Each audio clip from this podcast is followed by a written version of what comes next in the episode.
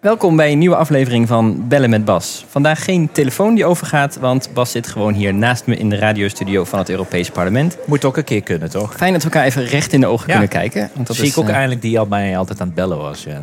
Precies. Goed, en we hebben een hoop te bespreken. Ehm, we gaan eerst even een virtuele tour door Europa maken om te zien hoe de verkiezingsuitslagen daar waren, specifiek voor de, voor de groene partijen. Daarna wil ik het even hebben over de samenstelling van het nieuwe Europees Parlement, de, de verhoudingen tussen de partijen. Mhm. En dan kijken we nog even naar eh, het proces om tot een nieuwe Europese Commissie te komen, Ja. inclusief de voorzitter natuurlijk. Yes.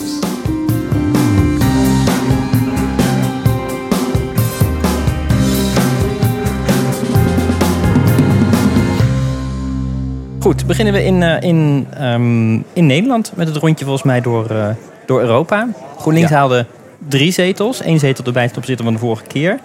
Maar de grote klapper kwam van de Partij van de Arbeid. Ehm, was dat echt het Timmermans-effect dat we zagen? Ja, volgens mij is dat wel een beetje de analyse. Ik laat natuurlijk de analyses graag over aan de mensen die eh, in alle getallen duiken. Maar als we nu ook naar de voorkeurstemmen kijken, dan eh, zien we dat 80% van de PvdA-kiezer ook echt op Timmermans heeft gekozen. Eh, en en dat, dat laat wel zien dat er eh, dat, dat wel een ongelooflijke bindende kracht was. Dus dat is eh, ja, gewoon complimenten. Timmermans heeft ook gewoon een goede campagne gerund. Eh, en, en wat natuurlijk interessant is, dat dat effect is vele malen groter dan men van tevoren had gedacht. En eh, ja, om toch, toch een beetje de, te kijken van, van als je kijkt naar dat de journalisten, media in Nederland wel heel erg er een debat van extremen van maakten. Toch weer een beetje die valkuil van ben je nou voor of tegen Europa? Eh, is het de strijd op rechts tussen, tussen Rutte en Baudet, die ik zover ik weet eh, niet echt verkiesbaar waren. Ja, Baudet ergens achterin. Hij is verkozen, hè? Hij heeft een zetel gekregen in het Europese parlement met voorkeurstemmen. Ja, maar ik, ik, ik zou zomaar niet verbaasd zijn als die die niet gaat innemen. Ehm, dus daar, daar ging het debat eigenlijk niet over. En wat het interessante is, dat de kiezer dus op hele andere overwegingen heeft, eh, is afgegaan dan, dan wat in het medialandschap naar boven kwam. Ik, ik hoop dat dat geëvalueerd wordt her en der in studio's en, en, en redacties. Want volgens mij mag daar wel eens een keer goed naar gekeken worden. Dat volgens mij het debat over Europa in Nederland echt al toe is aan een volgende stap. En dan gaat het over welk Europa, hoe moeten we dat doen, welke thema's. En dat het debat wel of niet voor of tegen Europa. Ja, dat we dat een keer achter ons kunnen laten. Dat hoop ik al een paar jaar. Maar deze uitslag hopelijk laat wel zien dat Nederland echt toe is aan een stap verder. Ja, de kiezer heeft, heeft andere keuzes gemaakt dan, dan je vooraf eh, op basis van het debat in de media zou kunnen voorspellen. Ja, en wat ik wel echt wel goed vind, ik bedoel, eh, ja, je kan natuurlijk, hè, die vraag kreeg ik ook wel eens van, had je niet op meer gehoopt? Nou ja, op een gegeven moment werd het wel heel duidelijk dat Timmermans het goed zou doen. En eh, als jij ziet dat PvdA van 9% verdubbelt naar 18% en dat tegelijkertijd GroenLinks eh, van 7% naar 11% gaat. Ja, heel vaak zijn wij communicerende vaat en de winst van de ene betekent verlies van de ander. En nou blijkt wel dat er ook echt wel wat, wat, wat kiezers tussendoor eh, over zijn gelopen. Maar in totaal hebben we allebei gewonnen. En, en dat is volgens mij vooral een overwinning voor nou ja, een progressieve groene koers. En, en daar ben ik vooral wel blij, omdat wij gewoon ook echt een goede winst hebben weten neer te zetten. Samen met PvdA. Oké, gaan we even verder naar ons buurland eh, Duitsland. Daar hadden de, de Duitse groenen echt een enorm goede score. Ja. Eh, ze verdubbelden en kregen meer dan 20% van de stemmen.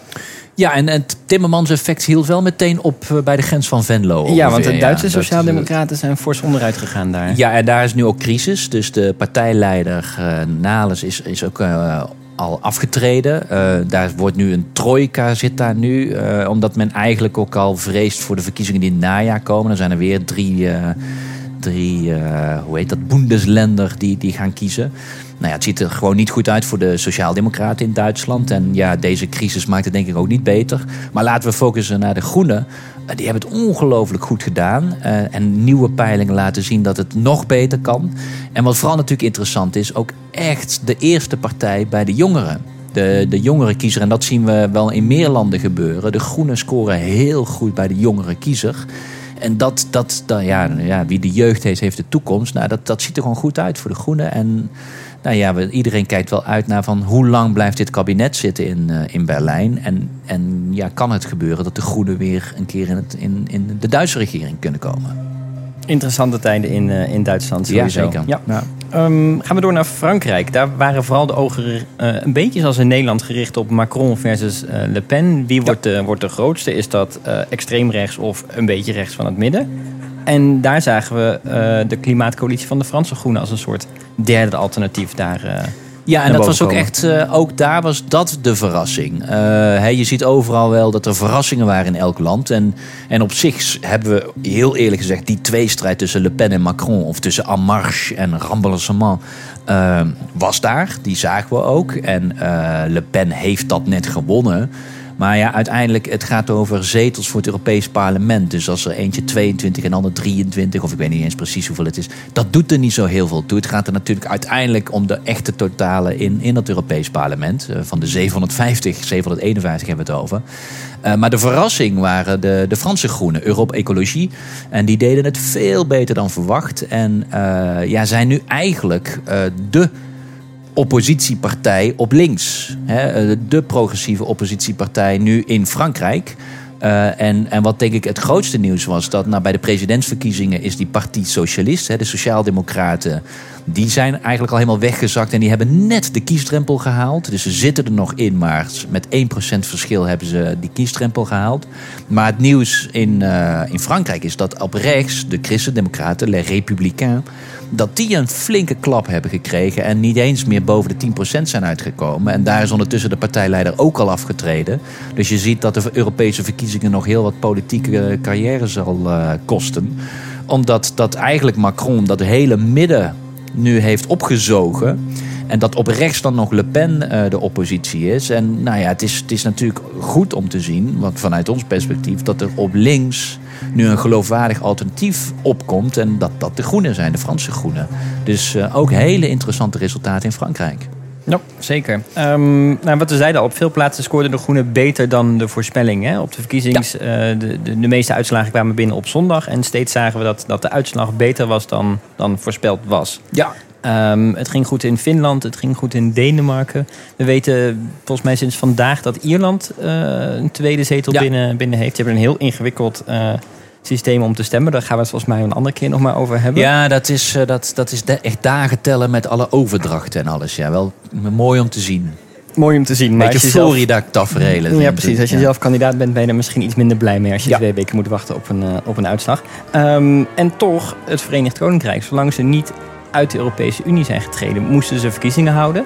Daar hebben de Groenen het ook enorm goed gedaan.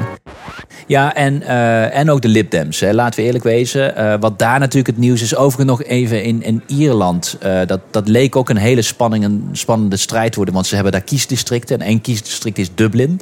Nou, dan was het heel erg onduidelijk wie van de kandidaten daar gaat winnen. En wat gebeurt er? De, de groene kandidaat was bij echt verreweg de meeste stemmen. En dat was ook totaal onverwacht dat de Ierse groenen, want ja, de groenen in Ierland staan nog niet zo heel, uh, heel erg bekend. En dat je gewoon de grootste partij in Dublin bent, dat, dat, uh, nou ja, dat laat zien dat die groene golf echt wel serieus aan het uitdijen is. En Groot-Brittannië, ja, het verhaal is natuurlijk het totaal instorten van de twee middenpartijen. Labour en de Tories, ja, die, die, hebben altijd de dienst uitgemaakt. Nou ja, die, die zijn weggevaagd deze verkiezingen. En ook daar zie je dat, ja, dat de oppositie enerzijds natuurlijk de Brexit-partij van Nigel Farage heeft dat heel goed gedaan. Maar aan de andere kant, de Lib Dems en de Groenen samen eigenlijk net zo groot als de Brexit-party. Dus je ziet een totaal gespleten land. Maar je ziet ook dat kiezers echt gaan voor, voor een, een geloofwaardige oppositie. En, nou, in Groot-Brittannië is dat Lib Dems of Groenen. En wij zijn wel heel blij dat, dat, dat daar mede de Groenen zijn geworden. En dus ook boven de 10% gekomen. Ook dat was uh, een veel betere score dan, dan peilingen lieten zien. Ja, nou, we gaan zien wanneer en of de brexit überhaupt nog gaat gebeuren. Uh, daar is... Ja, ook daar leiderschapscrisis. Want hè, Theresa May is afgetreden na de Europese verkiezingen. Uh, zij gaf dat al na de dag van de stemming. Toen was het resultaat niet bekend, maar ze voelde nattigheid. Uh, ja, daar gaan we dus eerst een Tory-leiderschapsstrijd zien. En dan vervolgens, die nieuwe leider, heeft hij dan voldoende mandaat om een brexit door te zetten? Of gaan we dan toch nog verkiezingen? Gaan we een referendum? Nou, de Engelse onzekerheid gaat ook nog wel even door. Dat blijven we sowieso volgen. Um, we zullen wel moeten. Precies. We moeten er nog even over plekken waar het toch iets minder goed ging. Ik bedoel, er zijn een paar landen waar uh, de Europese Groenen vroeger wel Europarlementariërs hadden, nu niet meer. Ja. Uh, we hadden Europarlementariërs uit Hongarije, uh, Kroatië. Die ja. komen niet meer terug. Nee, nee, dat is wel echt. Uh, kijk, als je, als je gewoon naar het hele plaatje kijkt, ga, zijn wij nu zijn wij eigenlijk fors gestegen. Even grof gezegd van 50 naar 75. Nou ja, dat is 50% groei. Uh, daarmee zijn wij de, de, de, de, toch de grote winnaar. Zo wordt dat wel uh, gezien. En ik denk dat dat terecht is. Maar als je achter die cijfers kijkt, is wel mijn persoonlijke grootste teleurstelling is wel het resultaat in Oost-Europa. Daar hebben we juist ook veel, hè, als spitsenkandidaat heb ik daar veel in geïnvesteerd. En uh, ja, dat heeft het niet opgeleverd. Daar moeten we gewoon heel eerlijk in zijn. Het idee, kijk, we wisten dat daar niet de grote aantallen zouden komen. Hè. Daar, daar zouden niet de massale tientallen Europarlementariërs van komen. Maar we hadden wel de hoop dat we met een nieuwe coalitie in Slovenië zouden doordringen. In Kroatië een nieuwe coalitie. Uh, de Poolse Groenen die meededen met de lijst van uh, het burgerplatform. Dus de partij van Tusk. Ja, is allemaal niet, gebeurd, niet gelukt. Dus daar, hebben we, ja, daar zie je toch dat, dat uh, in die zin in Oost-Europa ja, de partijen die gewonnen hebben, uh, nou juist wel ver weg staan van waar wij als groenen uh, in geloven. Ik denk de grote positieve uitzondering is Tsjechië. Waar de Tsjechische piraten het heel goed hebben gedaan, ook boven de 10%. En die ze hebben zich nu ook aangesloten bij de Groenen. Dus dat is toch een beetje diezelfde beweging die we nu in de Groene fractie weten te, te verbinden. Dus dat is heel mooi. Maar heel veel voorbij Tsjechië en Litouwen komen we helaas niet. En dat is, wel een, dat is dus wel een opdracht aan, aan ons als, als groene fractie. Is om, om die groene golf geloofwaardig te maken, zullen we de volgende verkiezingen echt het beter moeten doen in Oost-Europa. Dus daar moeten we ook in gaan investeren, heel duidelijk. Ja, dus niet alleen blijven zitten bij de landen waar we nu uh, parlementariërs hebben, maar juist als een soort Europese partij ja. veel meer heel Europa. Nee, dat moeten we echt beter doen. Meenemen. Ja, ja. oké. Okay, nou dan komen we even bij de, de totaaluitslag, voor zover die nu, nu bekend is in het hele uh, Europees parlement. Ja. Um, nou ja, goed, je zei al 751 uh, zetels. Waarvan uh, de Christendemocraten de, de grootste partij geworden is. Ja, toch weer wel. Ja, het is jammer. Maar de, de kiezer heeft besloten, zullen we maar zeggen. Je snapt het niet, maar ja, nee, ze hebben, de, de Christendemocraten zijn weer ja, Ze zijn wel iets kleiner geworden dan vijf jaar geleden. Uh, nou, hetzelfde... best wel een tik gekregen ook hoor. Dus dat uh, van boven de 200 nu echt ver beneden de 200. Dus dat is toch uh, 40 à 50 eraf. Ja, dat is toch veel. Ja, en dit is nog even de vraag, hè, want uh, die, hier worden volgens mij de, de Hongaren van Fidesz nog steeds in meegerekend. En ja. dat is nog steeds onduidelijk, althans voor ons onduidelijk hoe dat nou precies gaat gebeuren. Ik weet niet of ze het... Ja, ze, de relaties zijn bevroren, maar ze tellen nog mee. Uh, volgens mij zijn het er 13 of 14. Uh, ja, ik, ik krijg toch het gevoel dat dat niet houdbaar is. Dus het zou zomaar kunnen dat die uh, wegvallen bij de Christen-Democraten. Dus dan, dan, dan zakken ze nog wat verder terug. En dat je straks gaat zien dat, dat de Fidesz-partij, dus de Hongaren, dat die zich meer gaan aansluiten bij de Poolse uh, fractie, waar de Poolse regeringsfractie uh, in zit, de PIS-partij. Dus ik denk dat daar nog wat geschuif waarnemer zal zijn, ja. Ja, um, nou, tweede partij dus, de, de, de Sociaaldemocraten. Die hebben dus ook een tik gehad, maar uh, zijn nog wel steeds de tweede partij. Ja, ik denk dat, dat men bij de Sociaaldemocraten stiekem toch blij zijn dat de tik uh, minder groot is dan verwacht. Ook bijvoorbeeld een tik is uitgedeeld aan de Roemeense Sociaaldemocraten.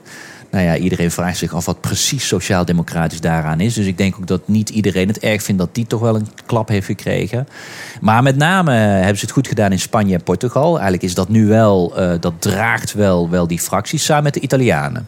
Dus in Italië heb je gezien dat toch uiteindelijk de progressieve kiezer naar de sociaaldemocratie is toegegaan als tegengeluid van het opkomende rechtse geluid in zowel Spanje als Italië.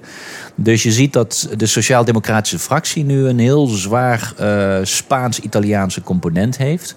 En waarin ook nog wel Scandinavische landen het redelijk deden. Maar ook dat viel wat tegen. Vooral als je kijkt naar de nationale verkiezingen doen ze het daar goed. Maar Europees uh, viel het wat tegen voor de Zweden en de Denen en de Finnen. Uh, dus, dus ja, echt, echt gemengde boodschap voor de Sociaaldemocraten. Labour is natuurlijk een klap gekregen. Nou, wat we net zeiden, in Frankrijk en Duitsland gaat het echt niet lekker. In Oost-Europa niet denderend. Dus nou, nog een beetje Scandinavië en dan heel erg Spaans-Italiaans. En Ja, dat, dat is voor ons hè, als Groenen... is natuurlijk de sociaaldemocratie is wel een fractie... waar wij als eerste mee willen samenwerken. Maar ja, het is nog een beetje onduidelijk hoe de Spaans-Italiaanse kant eh, van de sociaaldemocratie zich gaat opstellen. Want in het verleden was dat niet altijd het groene en sociale verhaal dat wij in ieder geval een Timmermans in de campagne hebben horen voeren. Ja, ik hoop in de campagne zag je wel verandering in Spanje. Ik hoop dat we dat gaan zien in het Europees Parlement. Maar dat, dat is echt nog wel even afwachten wat daar gaat gebeuren. Het rommelt wel daar. Ja, en vroeger hadden die, die twee partijen, hè, die grote blokken, dat was de grote coalitie. Die hadden samen een, eh, een meerderheid in het Europees Parlement belangrijkste conclusie die we kunnen trekken is dat hebben ze nu niet meer. Nee, dat was natuurlijk wat ik continu tijdens de hele campagne heb gezegd. Van jongens, dit wordt de eerste keer in het Europees Parlement dat die twee fracties het niet gaan halen op z'n tweeën, met z'n tweeën. Ik weet dat ik dat een half jaar geleden al zei. Toen zei Wim van der Kamp, zei ja, nou, dat moeten we nog wel zien. Ik denk dat het wel lukt. Nou, ik denk, eh, ik had daar toch een flesje wijn op moeten zetten waarschijnlijk. Het is dus, ze zijn die meerderheid kwijt. En uh, dat betekent nu dat, uh, ja, dat er toch gekeken gaat worden naar andere fracties... om, om, om een meerderheid in het Europees Parlement voor elkaar te krijgen. Waaronder de Groenen. Ja, want even, er, er is niet zoiets echt als een, een, een coalitie of als een vaste meerderheid in het Europees Parlement. Voor wetgeving moet in principe steeds opnieuw gezocht worden naar zo'n het naar is, zo'n Het is natuurlijk veel flexibeler. We hebben niet die, die, die fractiediscipline van een regering en een oppositie.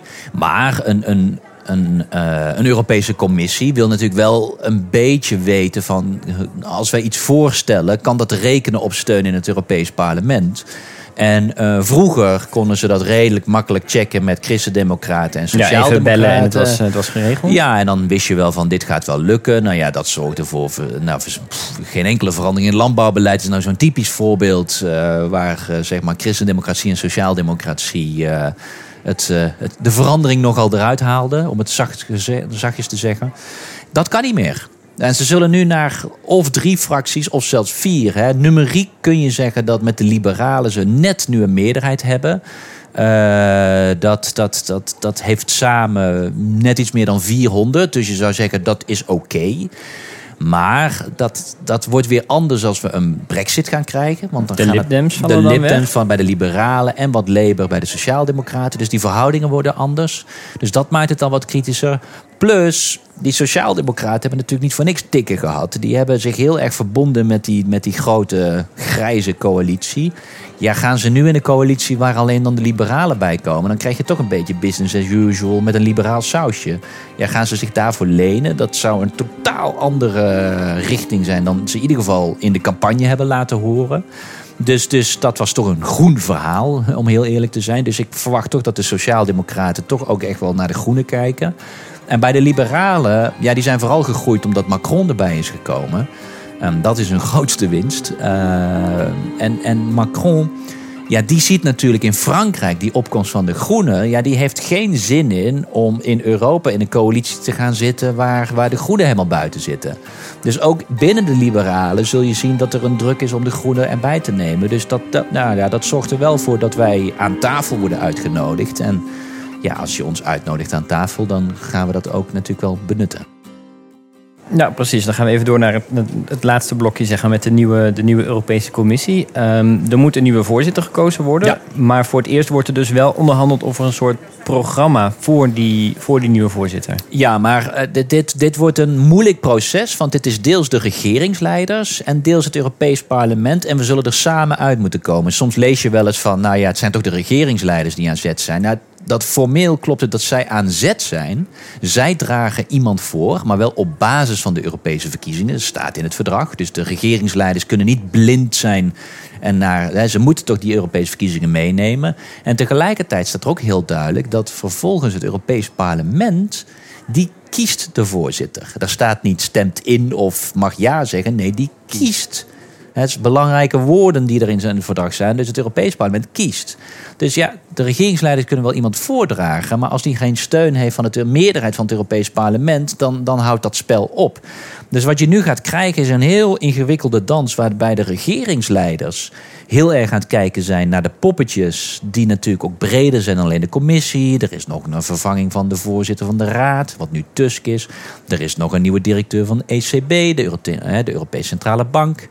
Uh, we hebben ook nog een voorzitter van het Europees Parlement. Dus er zijn allerlei vacatures. En regeringsleiders kijken altijd naar: is dat een beetje goed verdeeld over man-vrouw? Is dat goed verdeeld over de politieke stromingen, Oost-West, Noord-Zuid? Dus dat, dat wordt een moeilijk spel. En tegelijkertijd hebben ze dus dat, hebben ze voor die commissievoorzitter een meerderheid van het Europees Parlement nodig. En het Europees Parlement heeft gezegd: ja, maar dat is dus iemand die in ieder geval van tevoren zich duidelijk in die verkiezingscampagne heeft gestort. Dus een Weber, een Timmermans, een Vestager, een Eichhoutskeller. Uh, Keller, uh, dat, dat die, daar wordt naar gekeken. Plus, en dat is natuurlijk wat wij als Groenen heel erg hebben ingestoken. Ja, wij willen dan ook weten wat zo'n nieuwe voorzitter gaat doen inhoudelijk. Het is leuk hoor, poppetjes, maar het gaat voor ons echt om de inhoud. Dus wat wij nu voor de eerste keer voor elkaar hebben gekregen in de onderhandeling is met die vier fracties, dus Christen-Democraten, Sociaal-Democraten, Liberalen en Groenen gaan wij nu onderhandelen over een inhoudelijk programma. Dat zal niet het detailniveau hebben van een regeerakkoord. Maar dat wordt wel gewoon een. Dat wordt voor de eerste keer dat er een onderhandeld wordt over een inhoudelijk programma voor de nieuwe voorzitter van de Europese Commissie. voordat het parlement ja gaat zeggen. Nou ja, dat, dat die verschillende verhoudingen en dat spel van de raad, regeringsleiders en, en die inhoudelijke koers van het parlement, dat moet nog bij elkaar komen. En, en hoe dat precies gaat, ja, dat, dat, dat, zoals we dat zeggen, dat gaat juni uitwijzen. Uh, ja, want de regeringsleiders die, die wilden graag heel snel zijn en het voortouw nemen. Die hadden meteen al een diner uh, een paar dagen geleden volgens mij. Ja, een ingelassen top meteen de dinsdag na de, ja, de twee dagen na de verkiezingen. Maar de conclusie was vrij snel dat ze er eigenlijk ook niet uitkwamen. Nee, kijk, en dat is, het is soms wel eens verleidelijk om te doen alsof het een strijd is tussen Europees parlement en de regeringsleiders. Maar de regeringsleiders zijn ook hopeloos uh, verdeeld. Hè. Je hebt daar ook christendemocraten, sociaaldemocraten, liberalen, helaas nog geen groene bij de regeringsleiders. Wel in steeds meer regeringen trouwens. We zitten nu ook in de Finse regering. Dus we zitten nu in Zweden, Finland, Litouwen, Luxemburg. Nou, we hebben nu Deense verkiezingen gehad. Ziet er goed uit. In België hebben we verkiezingen gehad. Zou zomaar kunnen. Alhoewel België, nou ja, vak apart. Uh, maar je ziet wel de groenen in steeds meer regeringen. Maar we hebben nog geen regeringsleider. Dus, dus daar ontbreekt dat een beetje aan nog. Maar die, de regeringsleiders zijn ook verdeeld. En, en dus dat wordt een moeilijk plaatje. En daarom kan zelfs ook wel de inhoudelijke koers van het Europees Parlement uiteindelijk helpen om, dat, om die puzzel te gaan leggen. Dus uh, ik denk dat het uiteindelijk wel bij elkaar kan gaan komen. Dat zal ook moeten. Maar uh, we hebben wel iets meer tijd nodig dan we normaaliter hebben. En ik denk dat dat goed is. Vroeger was het gewoon regeringsleider, achter gesloten deur. En dan kwamen ze met hun eigen kandidaat. En dat was vooral een zo niet zeggende kandidaat mogelijk. Dan krijg je een Barroso. Want niemand heeft daar een hekel aan. Nou ja, dat lijkt mij nogal slecht mechanisme om een voorzitter van de commissie te kiezen. Volgens mij is het beter om daar een duidelijk te maken dat dat gewoon een politieke functie is. En dat dat dus afhangt van een meerderheid in het parlement. En nou ja, dat proces zitten we nu gelukkig veel meer in dan, dan voorheen. Ik denk dat dat een winst is van de Europese politiek. Oké, nou dan gaan we eerst maar eens even kijken hoe dat gaat komen inderdaad met de Europese uh, de commissievoorzitter. Dan, Daarna komen we nog wel een keertje terug om over de losse commissarissen te praten. Want dat is dan ook weer een heel uh, een hele discussie apart volgens mij. Ja, maar onderschat niet dat daar natuurlijk ook al over gesproken wordt. Omdat sommige landen zullen zeggen: oké, als wij niet dan een, een post krijgen in dat spel van de hoofdpionnen, dan willen wij wel weer een hoge post binnen die commissie. Dus al, er wordt echt al op heel veel schaakborden nu al geschaakt. En dat gaan we de komende maanden zien. Maar het is een, het is, het is, het, er speelt al veel, ja. Oké, mooi. Nou, dat gaan we volgen allemaal dan de, de komende tijd. Um... Ja, ik stel voor dat we blijven bellen. Want uh, bijvoorbeeld alleen al die inhoudelijke onderhandelingen... daar gaan wij volgende week nou mee beginnen. En ik mag namens de Groenen aan de klimaattafel... om het even in de Nederlandse termen te zetten. Wij gaan nu ook aan tafel zitten. Maar dat is gewoon puur de vier fracties... gaan in vijf inhoudelijke thema's met elkaar onderhandelen. En uh, een van de thema's is natuurlijk gewoon milieu-klimaatbeleid. En ik zal daar namens de Groenen in ieder geval uh, de onderhandelingen leiden. Dus uh, dan, dan ja, hoop ik ook wat te kunnen bijpraten over hoe dat loopt. Oké, okay, prima. Dan bellen we snel, uh, elkaar snel weer. Dan spreken we elkaar snel weer. Is goed, laten we het doen. Bedankt voor je tijd en uh, okay. tot gauw. Yo, hoi hoi.